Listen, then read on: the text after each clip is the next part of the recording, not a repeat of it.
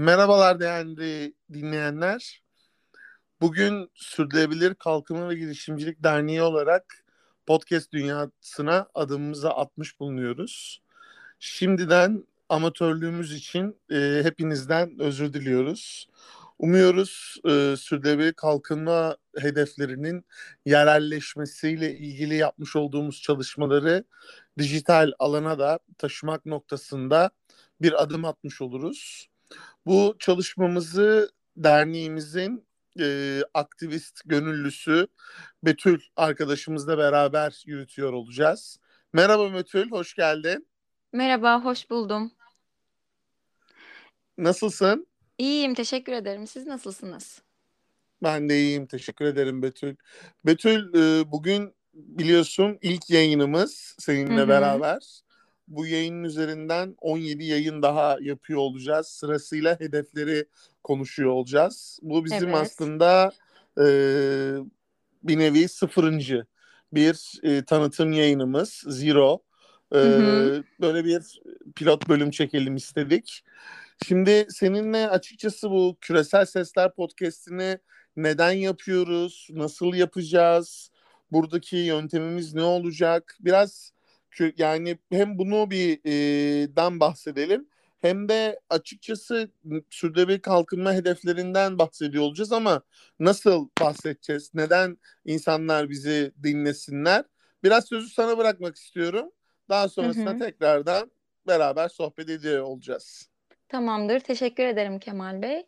Ee, öncelikle biz bunu neden yapıyoruz? Şöyle başlamak istiyorum. Sürdürülebilir kalkınma amaçlarını tanıtmak, yaygınlaştırmak, e, hedefleri neler, amaçları neler bunları biz paylaşmak istiyoruz. Ve ardından e, uluslararası e, örneklere değinmek istiyoruz.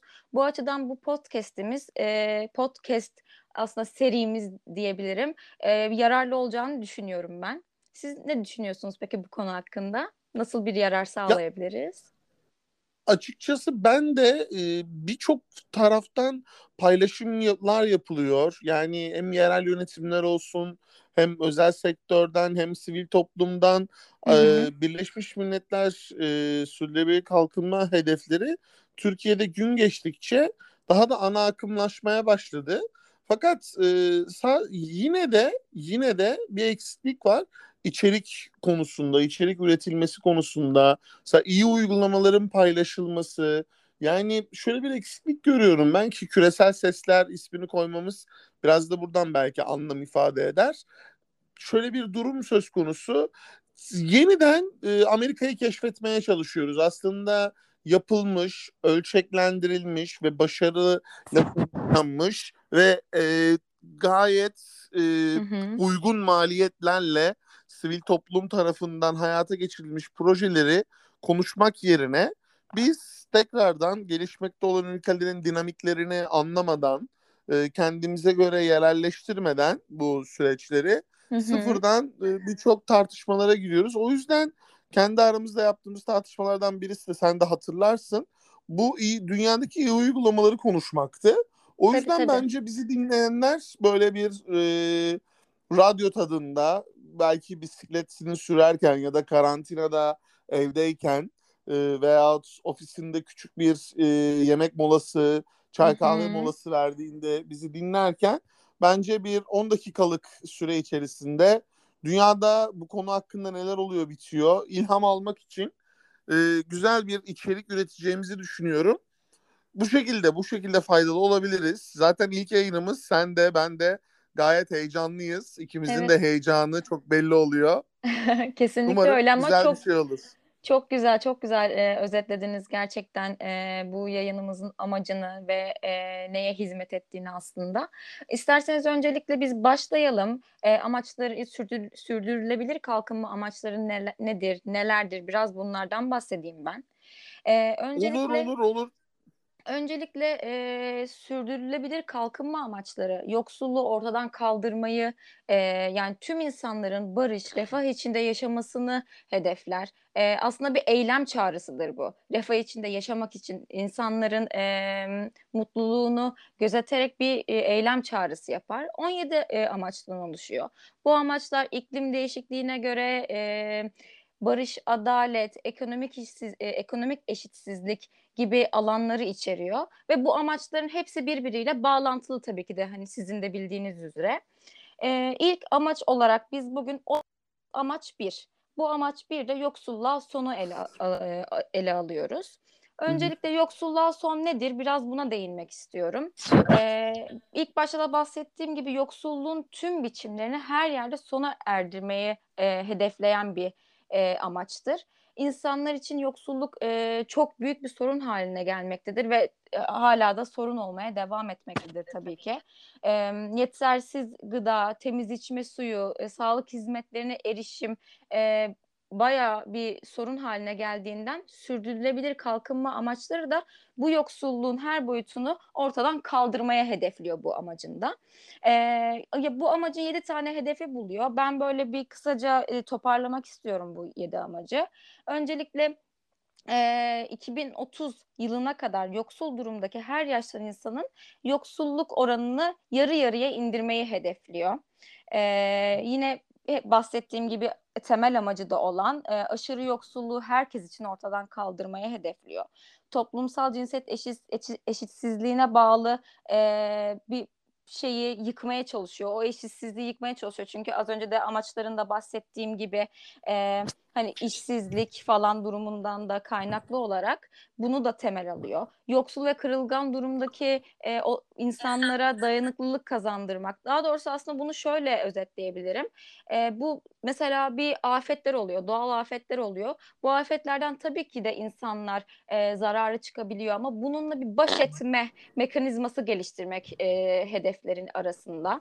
Genel olarak böyle bir e, hedef çerçevesi çizebiliriz bu konuda. Sizin de e, uluslararası iyi örneklere e, bayağı bir bilginiz olduğunu biliyorum. Bu konuda bize aktarım e, sağlamanız bayağı yararlı olacaktır bu podcastimiz açısından.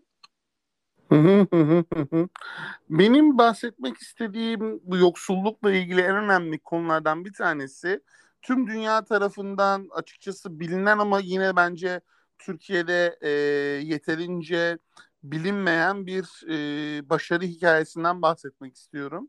Hı hı. Bangladeş'te kurulmuş olan Muhammed Yunus tarafından kurulan 1976'da e, yoksulları girişimci yapmak için kurulan bir e, mikro kredi veren ve e, bir banka bu ve bu bankanın fikri Muhammed Yunus'a 2006 yılında Nobel Barış Ödülü'nün layık görüldüğünü biliyoruz. Bunun hikayesini ben kısaca anlatmaya çalışacağım. Hı hı, ee, temelde nasıl bir şey olduğunu. Tabii bu arada Muhammed Yunus'tan da kısaca bahsetmemiz gerekiyor. Muhammed Yunus'la ilgili de hususlardan bahsetmek lazım. Açıkçası neden bir yoksulluğun e, nasıl bir şey haline geldiğini, Muhammed Yunus'un bu konuyu nasıl gördüğü gayet kıymetli. Şöyle ifade edelim. E, Muhammed Yunus e, 1974'te e, üniversitede ders verirken e, öğrencileriyle ilgili e, bir gezi yapıyor ve yoksul bir köye gidiyorlar bir saha çalışmasına ve e, bilinene göre işte bir kadınla görüşüyorlar köyden belirli insanlarla görüşüyorlar ve bu kadın onlara şöyle bir şey söylüyor.